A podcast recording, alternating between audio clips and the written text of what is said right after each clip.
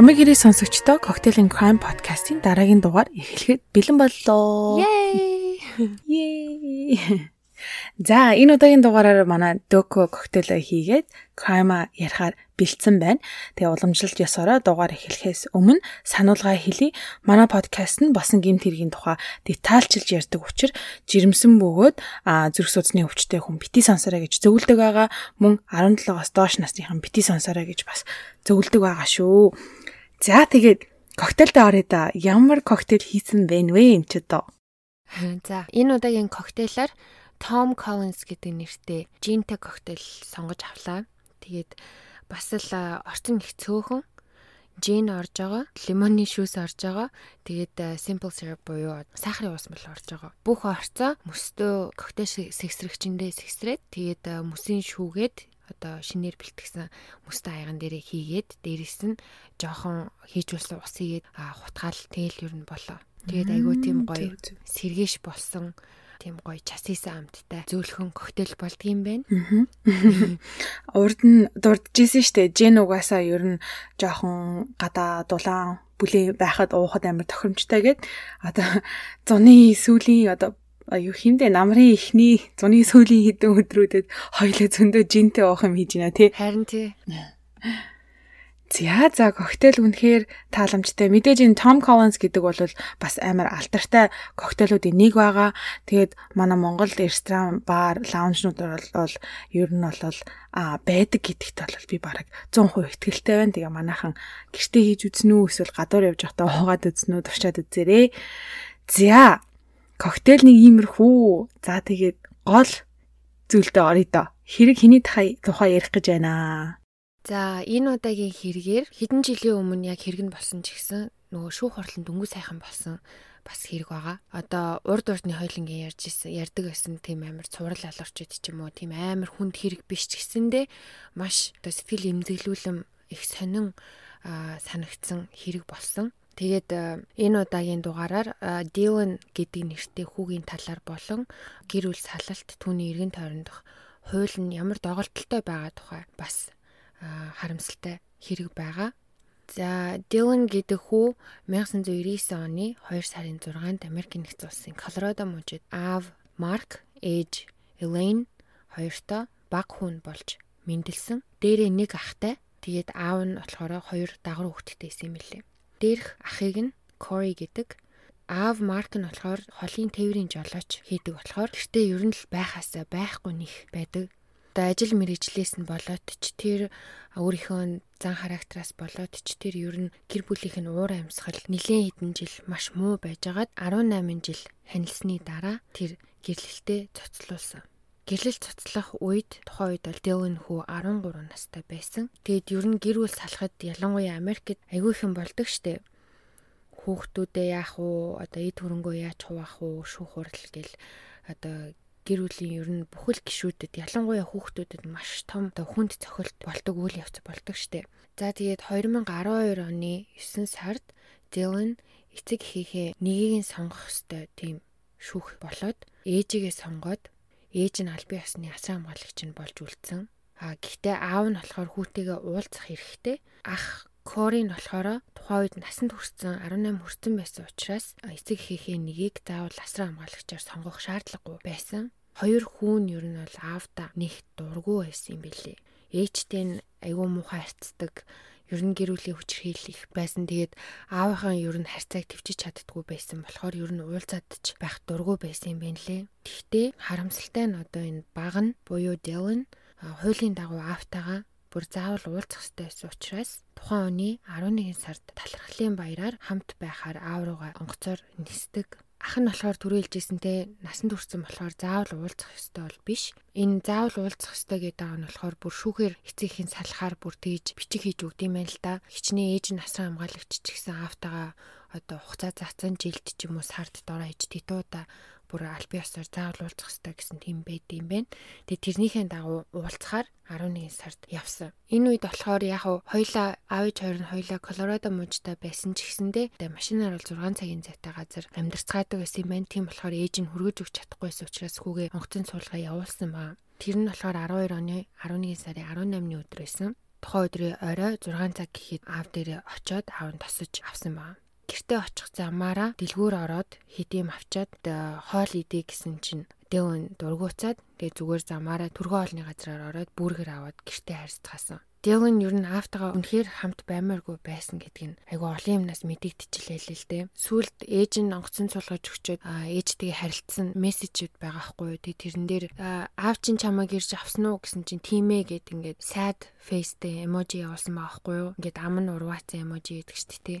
Тэгэхээр баяртай бол биш байсан нь нэгдүгээр тэрэн дээр харагдаж байгаа. Хоёрдугаарт өмнө нь нэг удаа очихдоо аавтайгаа баахан хэрэлцээр агаад загнуулт зандруулсаар агаад таарсан юм билээ. Явж явахгүй байж болохгүй мүү гэж ээжээсээ гуйж гуйж явсан гэдгийг бас ээж нь хэлдэг. Тэгээд Дэлэн гэртээ очингуудаа шууд тэр шөндөө найзындаа хонж болох уу гэж ааваасаа асуусан байна. Аав нь зөвшөөрөөгүй болохоор нь маргааш өглөөний эрт гэрээсээ явхаар 6 цаг 30 минутаас гарч найзуудтайгаа уулзахаар төлөвлөгөө зохиосон.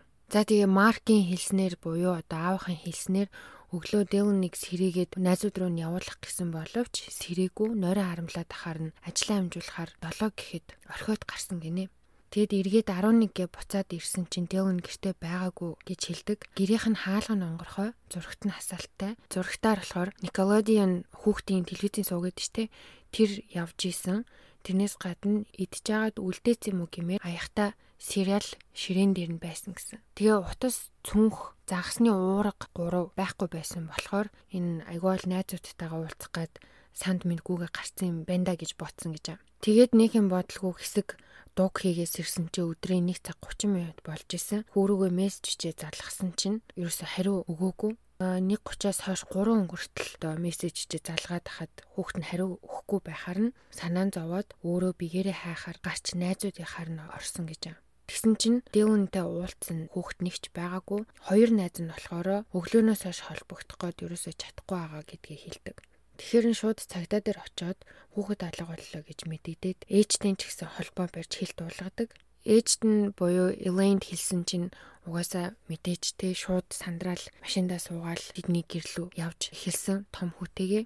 Элейнд э, Маркийн дотсон даруйдаа шууд буцаж гараад хүүгээ гадуур хайж эхэлсэн гэж шүн төлөөр. Тэр үед болохоор Марк туслаагүй гэртээ үлдсэн гэсэн. Бусад өсвөр настай хүүхдүүдийн адилаар одоо Дилан бол байнга гар утсаа ойрхон авч явдаг, мессеж дуудлаганд идэвхтэй хариу өгдөг байснаас гадна ер нь байнга л хин нэгэнтэй мессеж бичиж харилцаж идэг гэсэн гинэ. Тийм байхад утасны рекордыг шалгасан чинь өмнөх өдрийн оройны 9 цаг 37 минутаас найзууд руугаа нөгөө өглөө явах тухайга мессеж бичснээс хойш ямар ч тийм одоо активити байгаагүй. Цагдаа нар мэдээж одоо хамгийн сүүлд харснаар нь те тэр өдөр хамт байснаар нь аавынх нь өдрөө юу нь яаж өнгөрүүлсэн тухай шалгадаг. Тэгэхэд өглөөний 7:30-аас 11:30 хүртэл гадуур одоо цалингаа очиж аваад гэр бүл салтны хуульчтайгаа уулзаад дээрэс нь шуудан орж хүүхдийн мөнгөө Элейн руу явуулсан гэдгүүд нь бүгдээрээ нотлогддог. Тэгэд аав нь бол анханасаа Дилонийг цугтаачихсан л байх гэж бодож исэн юм бэлээ гэрээсээ зүгтцэн гэж.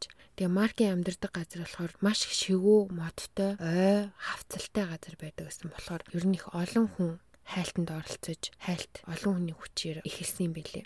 Хайлтын явцад болохоор цагдаа нар дрон ашиглаж ийснээс гадна K9 буюу одоо мэрэгжлийн нөгөө нохоотой хайж исэн боловч юу ч олоогүй хүүг халах болоход ээж нь бол шууд ерөөсөө сонссон даруйдаад л за маркл нэг юм хийчлээдэ гэж боцсон гэж байгаа. Хийн нөгөө юу гэж яддаг штэ. Зүн совин тэрүүгээрээ шууд тэгж боцсон гэж өөрөө ярилцлаган дээр ярьж илээ. Би бол шууд маркл нэг юм хийчлээдэ л гэж би боцсон гэв. Тийм учраас Элен ер нь анханасаа маркийг сэжгэлж исэн. Марк болохоор ер нь айгүй тийм хэрцгий, зөвүүн тийм байдгаас гадна одоо хэлж байгаа юмнууд нь бас ижигтэй байсан гэсэн. Дилнийг нөгөө загасны уурга аваа явсан гэж хэлжсэн ш. Тэгсэн чинь Элейн болохоор хүн маань хизээж загасанд явж байгаагүй. Ер нь яаж ч загас барих байтугай одоо уурга ажилуулчих мэдэхгүй. Тэр утас муцын татаж чадахгүй. Тийм бахад одоо загасанд явсан гэж хэлэх чинь одоо хүүгээ мэддгүү мэ хайшин гэж ууралж исэн. Тэгээд бас нөгөө Николадиан үдчихсэн гэсэн штэ. Тэр болохоор тэрэн дээр нь бас ээжэнд гэжсэн. Николадиан үзэхээ болоод уудаж байгаа. Тэрийг биш MTV үздэг болцсон. Тэгэхээр Марк худлаа яриад байна. Тэгээ худлаа ярих хэрэгтэй хүүгээ мэдхгүй ингээд юм зөрчилдөд байна гэж одоо анхнаасаа тийм байр суртайсан. Энэ тухайга Дилныг алга болсноос 7 хоногийн дараа Элейн нээлттэйгээр илэрхийлж телевизэд ярилцлага өгөхдөө хүртэл аав нь л энийг хийчлээ. Аав нь л энэ хэрэг толботой юм шиг надад мэдрэгдэж байна гэж ярьж исэн. Тэгээ удалгүй Маркийн герт нэгжлээ хийхээр болоод нэгчхэд Дилны хідэн тусал цус илэрдэг. Тэрийг нь болохоор Маркийн найз охин нь юу гэж тайлбарласан гэхээр урд нь эрэхтэй тэр нь бүр бараг жилийн өмнө аа эрэхтэй хурууга хэсэгцэн юм аа тэрнээс үлдсэн л цусах гэж тайлбарладаг. Цагдаа нар болохоор цаашин шалгахаар хевснээс нь нэг хэсгийг таслаж аваад тэгээ маркийн одоо нөгөө тээвэрт явдаг машин биш тэр машиныг дээрэс нь утас болон компьютер зэргийг нь шалгадаг. Марк Элейн хоёроос хоёулангаас нь polygraph тест бас авсан. Polygraph гэхэр манайхан бас аливжээ мэддэг болсон байх гэж бодож байна. Нөгөө үний ярьж байгаа, худлаа ярьж байгааг нь шалгадаг тест авдаг шүү дээ. Тэгсэн чи Элейн асуудалгүй бүр ямар ч асуудалгүй даваа гараад ирсэн боловч Марк бол тэр тестэнд унсан. Тэгээ унах унахтаа бүр маш муугар унсан гэж байна. Тухайн үед Дэлний хэрэг Америктуудыг гадны мэдээгээр хүртэл яригдчихсэн. Би ч гэсэн одоо нөгөө постерыг харсан чинь тухайн үед нэрээ айгүй их мэдээгээр гардаг байсан айгу танил гэрэн сурвалжилж байгаа зураг байлээ. Одоо чи ч гэсэн харах юм бол баг харж исэн зураг байж магадгүй. Энэ бол нэлээ олон хүний анхаарлыг татаж чадсан хэрэг байгаа. Энэ тухай нөгөө хэвлэл мэдээлэлээр шуурсан шалтгаануудынхан бас нэг нь болохоор Марк Элейн Кори гурав гуруула доктор Филийн шоунд орсон явдал болсон. Оо за. Энэ доктор Филийн шоуг бас урд нь хоёлаа дурдчихсэн тий. Америкийн одоо телевизийн шоу нэвтрүүлэг байгаа нэвтрүүлгийнх нь хөтлөгч нь өөрөө доктор Фил хочтой сэтгэл засалч хүн байдаг. Энэ нэвтрүүлэг нь маш олон жил маш амжилттай явж байгаа учраас айгүй олон үзэгчтэй айгүй алтартай нэвтрүүлэг.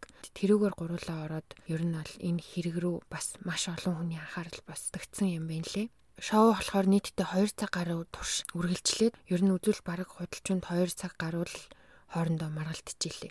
Илэн болохоор Маркийг чи буруутай чи хүүгээ алчлаа. Чиний л одоо хараанд байж байгаа алга болсон чи л нэг юм хийчлээ гэл. Марк болохоор чи солиотой чи угаасаа чиний буруу муруу. Тэгээд хүү Корин ч гэсэн ер нь бол аавгаа буруутгах гэсэн.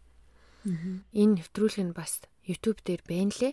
Доор бас линкийг тавьчих та хэд сонирхч байвал ороод үзнэз хөөхий одоо Elaine хүүтэйг нийлээд дүүгийг хайгаал зөндөө олон сайн дурын ажил зохион байгуулалт зөндөө хандвийн үйл ажил зохион байгуулж хахт Марк юусоо оролцоогүй гинэ. Тэгэл тэр тухай Corey хэлэл чи ерөөсөө дүүг хайхад ямар юунд оролцсон чи юу яасан юу хийсэн ингээл тиймэрхүү юм яригдчихилээ. За тэгээд Марк угаасаа өөрийгөө өмөрөөдсөн. Тэгэд өмөрөөд харин доктор Фил за би тэгвэл чамд яг одоо нэрээ цэвэрлэх боломж олгоё. Чи яг одоо полиграф тест энд миний өмнө өгөөтөх Тэгээд өөрийгөө батал гэсэн чинь за тгий гэж аахгүй. Тэгээд нөгөө полиграф тестийнхаа юмнуудыг бэлдээл хүмүүн нэрэл янз бүр болол яг л яг авах гал бэлэн болсон чинь нөгөө хүч за би боллоо гэж бодлоо өөрчилчдөг. Тэгээ мэдээж нөгөө доктор Фил уурлал. Тэгээ дээрээс нь нөгөө нэг тэрийг үздэг мэрэгчлэлт нь бас гайхаад би өстэй амьдралдаа хизээч хүүхд нь алга болчиход тахад полиграф тест өгөхөөс татгалзаж байгаа ийм эцэг их харж ясангүй гэд энэ ер нь бол сэжигтэй дээ гэд тиймэрхүү утгатай мэлжсэн. За тэгээ хүүг хайх үйл ажиллагаа болохоор нөгөө тухайн үед дүн өвөл байсан. Дөнгөж удаагүй ёс эхлээд одоо амар хүтэрсэн болохоор газар хөлдөөд хэрлийг үргэлжлүүлэх боломжгүй болсон. Дараа жилийнх нь хавраас эхлээд жоохон дулаарж ирэхээр буцаад ерөн сурвалжлах ажиллагаа буцаад өрнөсөн ба. Тэгээд явж агаад 6 сард нэг хүчтэй пүшигээд нийтдээ 45 цагдаа нар 5 өдрийн турш тасралтгүй оймод самансан Явж явж байгаад 6 сарын 25-нд анх удаа Дэүний хэрэг толботой эд мөрийн баримт олсон гэдгээ оройн хэвлэлээр цагдаа нар мэдгдсэн ба.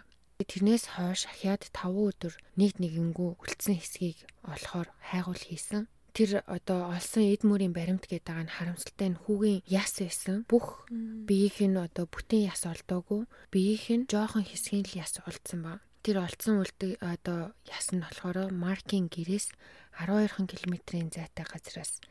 Тэгээ тэр нь болохоор бүр юм шигүү ойгоос олцсон. Тэг яг бие хэсгийн яснаас үхлийн шалтгааныг одоо 100% шинжилж чадхааргүй тийм боломжгүй байсан болохоор хүний гарт амиа алдсан уу эсвэл одоо золгүй байдлаар зэрлэг амьтанд баригдсан уу гэдгийг тогтоож чадаагүй. Тэгэж авч агаад 2015 оны 8 сард Марк хүүгийнхаа хэрэгт сэжигтнэр биш ч гэсэндээ person of interest буюу хэргийн талаар илүү мэдж байгаа хүн гэж үзсэн учраас аль биесээр одоо person of interest гэж хэрэгт оролцуулдаг. 2015 оны 11 сарын 15-нд урдны нөгөө яс олсон хэсэг шүү дээ. Тэрнээс 2 км-ийн зайтай газраас нэг хүн ууланд алхаж агаад хүний гавлын яс олсон. Тэр нь Dylan-ы гавлын яс байж таарсан. Гавлыг шинжилэхэд зүүн хөмсгөн дээрээ цохиулсан болон дагдсанаас хүчтэй ямар цохиулсан нь тогтоогдсон.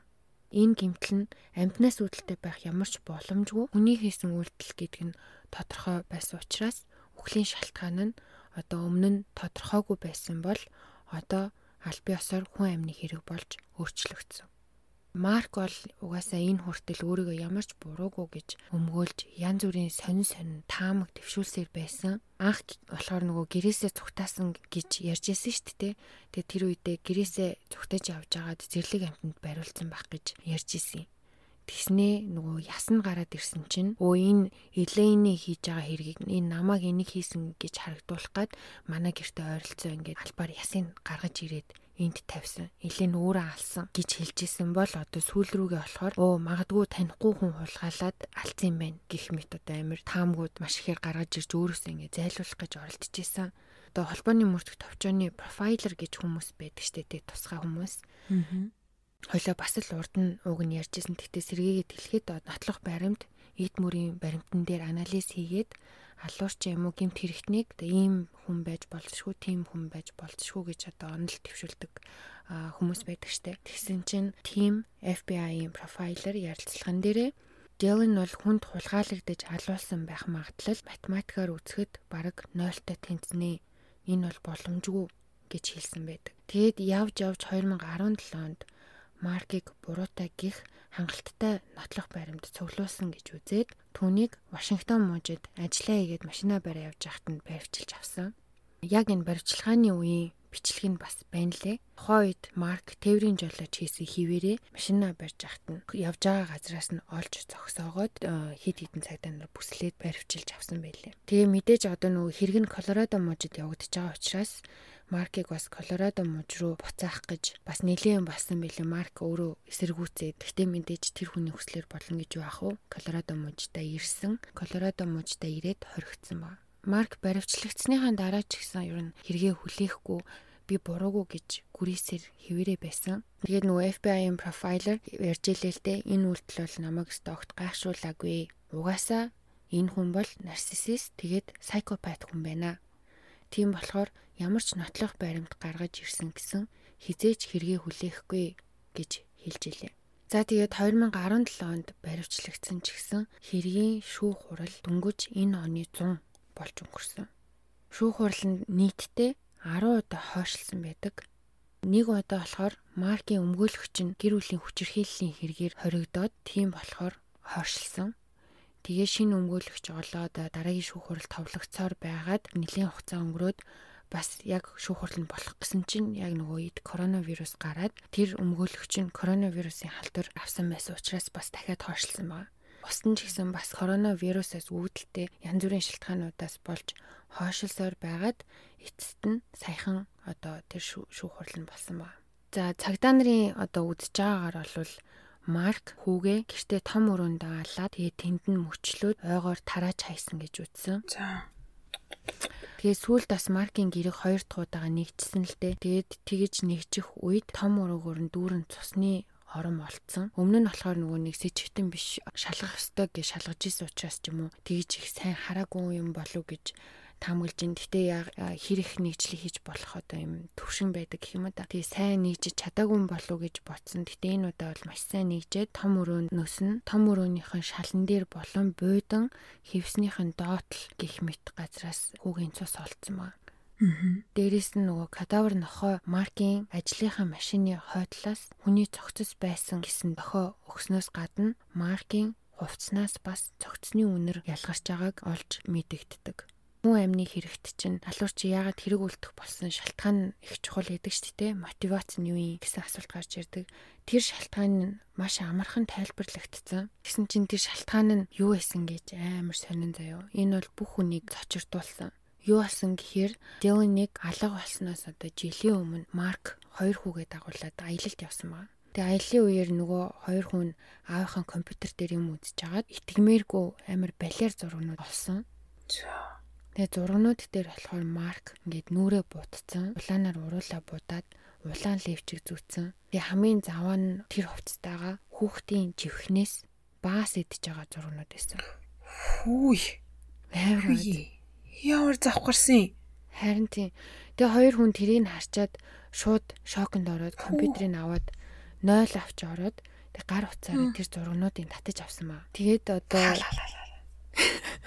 Уучлаарай, sorry. Шууд төсөөлчлээ бүр. Йоо яагаад. Цаварсан юм.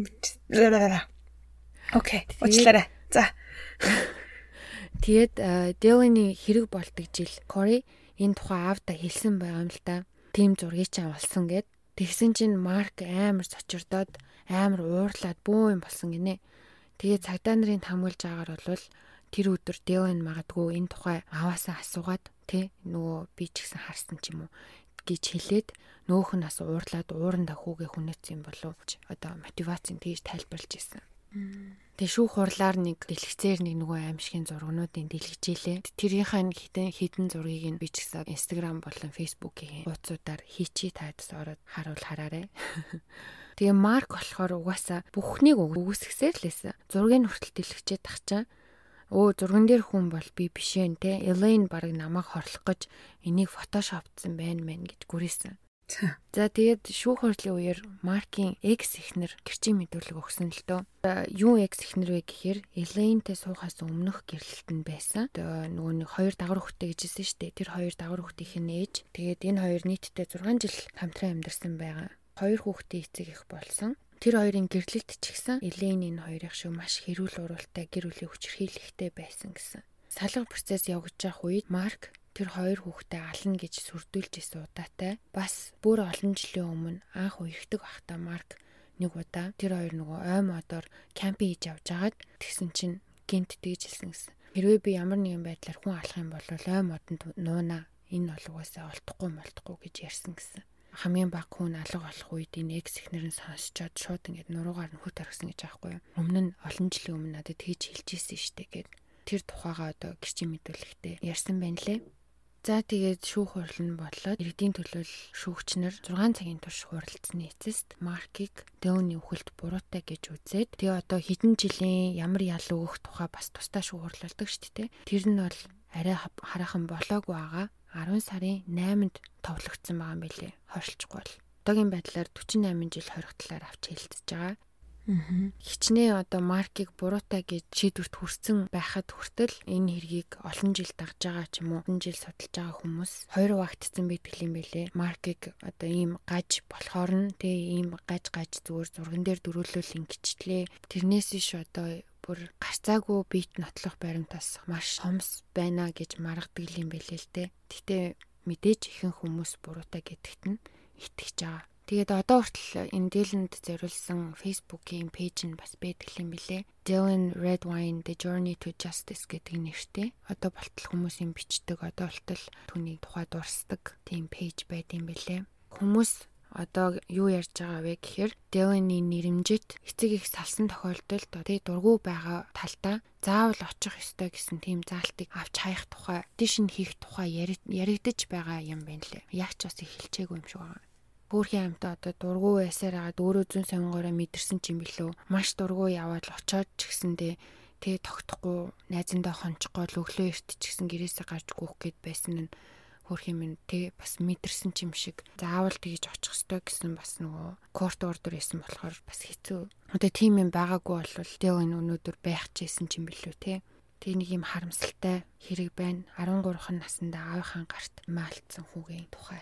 Үнэхээр харамсалтай. Тэгээд хамгийн сүлд хэлсэн одоо тэр петишн эхлэх те ярилцж байгаа гэдгийг бол бодож л байла. Эцэг ихээс халахад мэдээж хуулиар боддог те хичнээн ингээд ээж аав нь салж байгаа. Тэгээ ээж аавынх нь нэг нь одоо асран хамгаалах 100% эрхийг авсан ч гэсэндээ нөгөө тэ а нөгөө тал нь ээж юм аав нь заавал амьдралд нь байж иж хүүхдийн одоо юу хийндэ а сэтгэл санаа болно бие махбод ингээд эрүүл бойжин гэдэг ойлголттой байдаг. Тэгээ одоо ингээд гэр бүл салахад ч юм бол гэр бүл салалт болгон өөр өөрийн онцлогтой эн чинь бүгдээрээ ижлэгэн салдаг биш штэ бид нар. Тэгэхэд энэ бүр ингээ хүүхэд нь хүсэхгүй байхад хүчээр ингэж явуулсан нь бас амар буруу санагдчихээн. Тийм ирээдүйд одоо тэр petition эхлээд одоо гар хөлийн хүсэг хэрэгтэй болвол би бүх гар хөлийнхаа хүсгийг өгмөр надад санагдчихээн. Аа. Үнэхээр харамсалтай. Заавал тэгээл нэг амар юм муухайштай дургу одоо хүчрхийлэл үзүүлдэг. Тийм аав дээрээ ээж дээрээ очиод ах шаардлагач байхгүй мó баг яг яс юмн дээрээ бол тийм хүмүүсгүйгээр баг нэг тэ ээж юм уу? Аав дээрээ зөвхөн ээж юм уу? Аав дээрээ өсөх юм бол илүү эрүүл сарвал бойжих магадлал бол байгаа штэ. Хизээж үгүйсэхгүй. Бид нар ч гэсэндээ бидний үеийн залуучууд ч гэсэндээ байгаа багасаа ээж үссэн аав үссэн гэхдээ тэр болгон муу зүйл биш тий гэр бүлийн гэр бүлийн одоо нэг хайрыг нөхсөн ч юм уу нэг тийм одоо явдлууд одоо зөндөө байгаа шүү дээ гэр бүл. Гэтэл энэ үнэхээр харамсалтай санаж чинь ямар хөөрхөн хүү байсан юм бэ? 13 настай сайхан хүүхдтэйгээд алтчдаг. Надаа бол аавынх нь л буруу юм шиг санагдаж байна. Аа. Энэ явдлаас жилийн өмнө тэр зураг нь олцсон гэсэн үү те? Тий, тэгсэн. Ах нь ганцаараа хэлээд би бас тэгэж бодож илаа. Тухайн үедээ бас аавынхаа тухайн юм одоо нууцыг юм уу энийг нь мэдчихээд хэрвээ би байсан бол аавдаа хэлэхээс өмнө төрүүлээд ээждээ хэлэхээсэн баха. Тэр нь жоохон буруутсан болов одоо хоёр хүүгийн хувьд те аавыгаа шууд нүүрэлтэд ингэнгууд мэдээж а одоо үнэхээр нууцаар тийм хийжсэн болол одоо өөрт нь бас амар хүнд цохилт олж орж ирсэн бах тэгээд тэрнээсээ одоо реакц өгөөд уурлаад тэгээд жилийн дараа баг хүн дахин дэрийг нь дурсангууд бас гинт уур нь хүрсэн байх. Үнэхээр харамсмаар байна нэрээ. Энэ бол яг уу яг цагдаа нарын таамаг штэ. Тэг яг юу болсон тухай моментэд юу болсныг Маркл одоо өөрөө хэлэх үлдээд байна. Аа. Одоогийн байдлаар бол шоронд орсноос хойш энэ тухай ерөөсөө юу ч яриаггүй. Ер нь бол юу ч ярьдаггүй гэсэн. Аа. Тэгээ цаашдаа хизээ нэгэн цагт те зарим нэг хүмүүс ч нөгөө шоронд орчоо жоохон шашин шүтлэгтэй болоод нүлээ намжлаад ярддаг штэ те. Хизээ нэгэн цагт тэх юм болов гэж одоо гортох гортох юм да тэрнээс ш аа яг үнэхээр дэвэн тэрийг хилээд ургийн энэ хөөх юм хүргээд тэгсэн үү эсвэл зөв зүгээр хат нас нөгөөх нь тэ угаасаа одоо яадаг чинь хүүхдийн мөнгнөөс болоод ч юм уу тэтгэмж одоо явуулахаас залгаад ч юм уу тэгсэн бахыг бас үгүйсэхгүй. Аа үнэн шилтгааны маркл мэдж байгаа да. Аа үннээ хэлчихээсэ. Харин тий. Мэдгүй. Гэхдээ одоо ингээд байгаа байдал өөр одоо яг юм ноттой баттай тийм нотлох баримт байхгүй ч гэсэндээ ер нь олоо нөгөө нэг circumstantial evidence гэж тэгдэж штэ байдлаас болсон одоо тэрийг одоо яг бүж очлох юм нөгөө байгаа байдлыг харахад ер нь бол нотлох баримт болоод байгаа юм санагдаад байгаа байхгүй. Аа. Хин Дилан ч гэсэндээ аавтайгаа ямар хайртайтай байсан юм бэлээ анханасаа ингээд сал сарнахт нь аав дээр үнэхээр хайртай одоо тий цагийг хамт өнгөрөөхийг хүсдэг байсан бол хизээж ээжтэйгээ мессеж бичихтэй тэр те одоо юм гунигтай царай эможи явуулахгүй штэ. Аа. Дуртай яваачин шууд очин штэ хүүхдүүд чинь. Тэгтэл ингээл цаанаасаа ингээл дургу нэгдүгээрт хоёрдугаарт одоо тэр Дилан алга болоод ингээд асуудал гарахад тэр эцгийнх нь тэ нөгөө нэг polygraph test өөх өхгүй тэр байдал тэгээ ер нь бол хүүхдээ хайж яхад ээж нь ах нь маш их сандарч яхад эцэг нь юу ч хийгээгүй гөлийгөөд ээжсэн. Тэгээ тиймэрхүү байдлыг ингээ харахаар хангалттай нотлох баримт юм шиг мөртлөө хууль угаасаа яг нэг юм баттай нотлох баримт дээр ихэнх үед ажилдаг болохоор бас хэцүү юм да. Гэхдээ бас одоо тэгээд 10 сард болох шүүх хурлыг нь харчи. Тэгээд цаг хугацаанд болохоор бит хоёр угаасаа юу яах вэ? сонсогчтой мэдэгдэн тий. Тий энэ. Ямар хөөрхөн бэнд ийсэн бэ? Ямар ч гоё цэнхэр нүцтэй царайлаг байсан. Хөөрхий хөө. Харамсалтай санагдаж байна. Эцгийн хүнээс нь ч хөнөөгөө ч энэ хүн ингээд нас ороод байхгүй болцсон гэхээр үнэхээр харамсалтай юм аа. Аа. Наа чи бас үнэхээр сонирхолтой сэдв санагдаж байна. Миний хувьд одоо гэр бүл салалт те а үнэхээр харамсалтайч харамсалтайч гэсэндээ хатан үнэн гэдэг шиг манай Монголд бол гэр бүл салалт маш их байдаг ээж авын үеэс ч гэсэн бидний үеэс ч гэсэн тэгэл ингээл байдаг. Тийм болохоор бас ингээд одоо юу хэмдэ нэг сэтгэл хүнцэн бас хэрэг боллоо гэж миний хувьд бол бодлоо. Манай сонсогч нар юу гэж бодож ийн тэгээд сэтгэлдээ comment section үлдээгээрэй гэж хүсмээр байна. Гэр бүл салахад тэгээд хүүхдүүд л их хохирох юм да сэтгэл зүгээрээ ч би мах өдөрөөч бай. Тэгээд гэр бүл төлөвлөлт дээр л нэлийн ач холбогдол өгөөсэй дөө. Тийш үү да. Ястай ястай. Үнэхээр бас сонирхолтой бас бидний амьдралд байдаг. Одоо эргэн тойронд ер нь бол өдөр болгон байдаг. Тийм а одоо сэдвийг хүндсэн хэрэг боллоо гэж миний хувьд бодлоо. Маш их баярлаа бас а одоо ирээдүйд те гэр бүл болох гэж байгаа эсвэл гэр бүлтэй одоо асуудалтай байгаа ч юм уу хүмүүс ахын бол бас нёгийг бодож одоо тунгаах тийм дугаар авсан гэж би бодож байна. Тэгээ дөгөөдөө маш их баярлаа гэж хэлье сонсогчдийнхаа өмнөөс. Тэгээ манайхан угаасаа мэдж байгаа хэрэгтэй холбоотой зураг болон бусад мэдээллийг манай Facebook болон Instagram эсвэл YouTube-ийн доор деталь секшнд олж авч болно. За тэгээд энэ хэргийн тухай юу гэж бодож ийн өөрт та нарын минь таамаглал болон одоо санаа оноо юу байна бүгдээрээ YouTube болон Instagram, Facebook дээр сэтгэлдээ сэтгэлдээ бичээрэй гэж хүсье. За тэгээд дараа дараагийнхаа дугаар хүртэл төр баяртай. Бай.